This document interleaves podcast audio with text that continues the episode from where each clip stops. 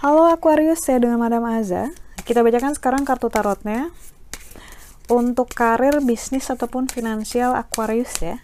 Kartu yang keluar adalah The Moon, ketidakpastian.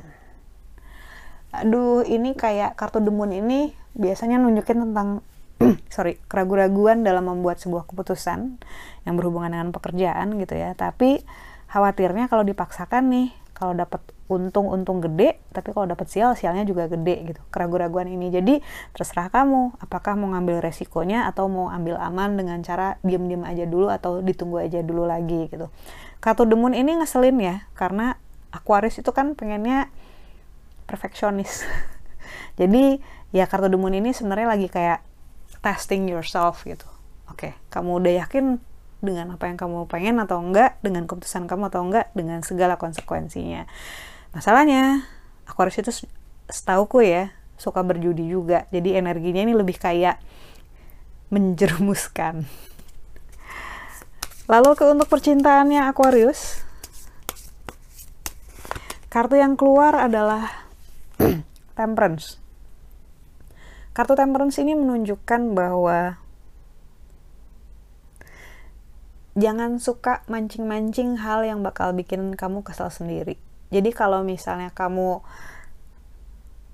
kayak kucing ini nih dia ngobok-ngobok akuarium gitu ya nanti kalau misalnya airnya kena muka dia bakal kesal sendiri bakal annoyed sendiri. Ataupun kalau misalnya ikannya jatuh berantakan dia juga bakal ribet sendiri. So kartu temperance ini bilang bahwa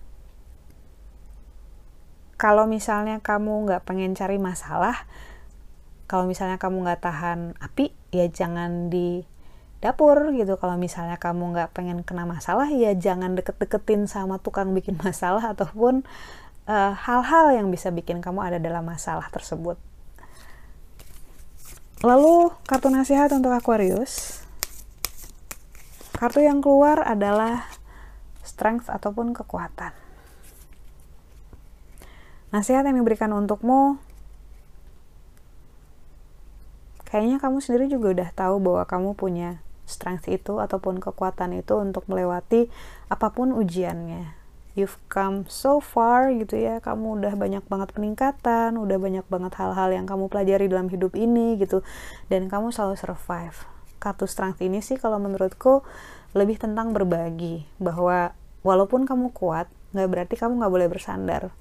Walaupun kamu bisa sendiri, Gak berarti bahwa kamu gak boleh berbagi sama orang lain yang kamu percayai, entah itu pasangan, entah itu keluarga, entah itu sahabat. Sekian bacaannya, semoga bermanfaat.